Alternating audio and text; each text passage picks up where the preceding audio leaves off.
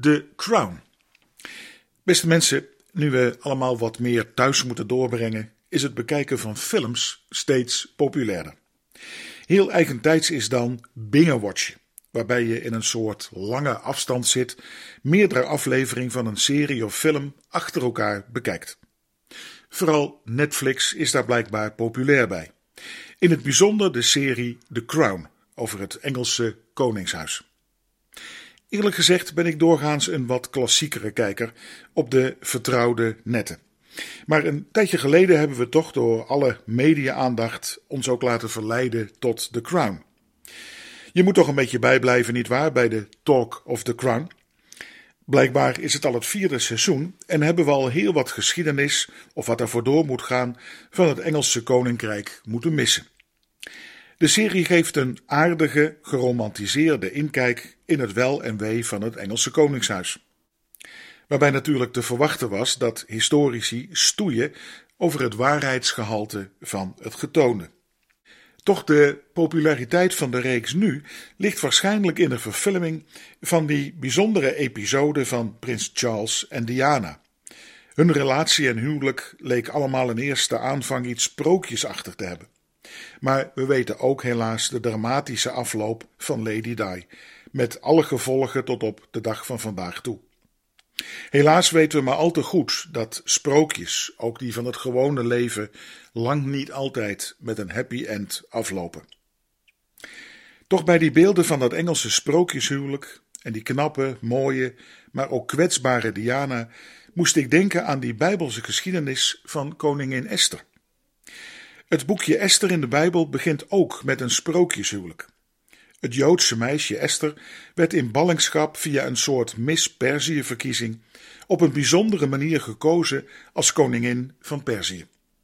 Het werd kolossaal gevierd met een groot feest waar alle leiders van de hele wereld bij uitgenodigd waren. Niets was te veel. Met alle denkbare kostbare pracht en praal. Een sprookje gelijk.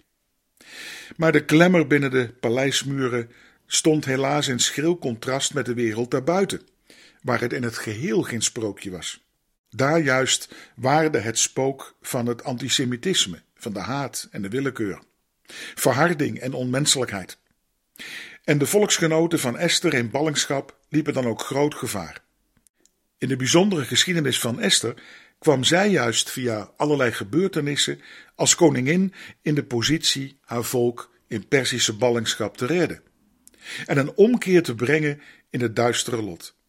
Een dappere, moedige vrouw, die op beslissende momenten haar volk redt en het lot keert.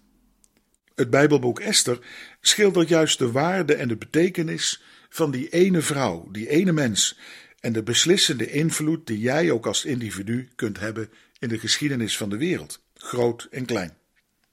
We kunnen er vandaag van leren, denk ik. Jouw en mijn invloed doet ertoe.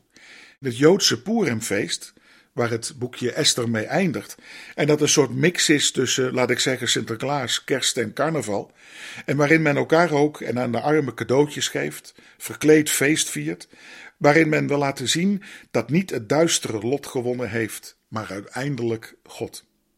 Een mooi boekje, waarin de naam van God niet eens genoemd wordt, maar hij op elke bladzijde op de een of andere manier wel voelbaar aanwezig is. Het lijkt wel in de coulissen. Nee, ons leven is lang niet altijd een koninklijk sprookje. En soms kan het feest als het ware de party over zijn. Maar ook, ook soms verborgen mogen we weten, en misschien wel op de achtergrond van je leven, dat Gods koninkrijk er ook is.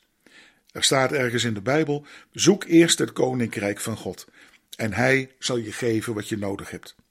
De geschiedenis van die crown, van dat koninkrijk, dat is en was en komen zal, dat kun je lezen in de Bijbel.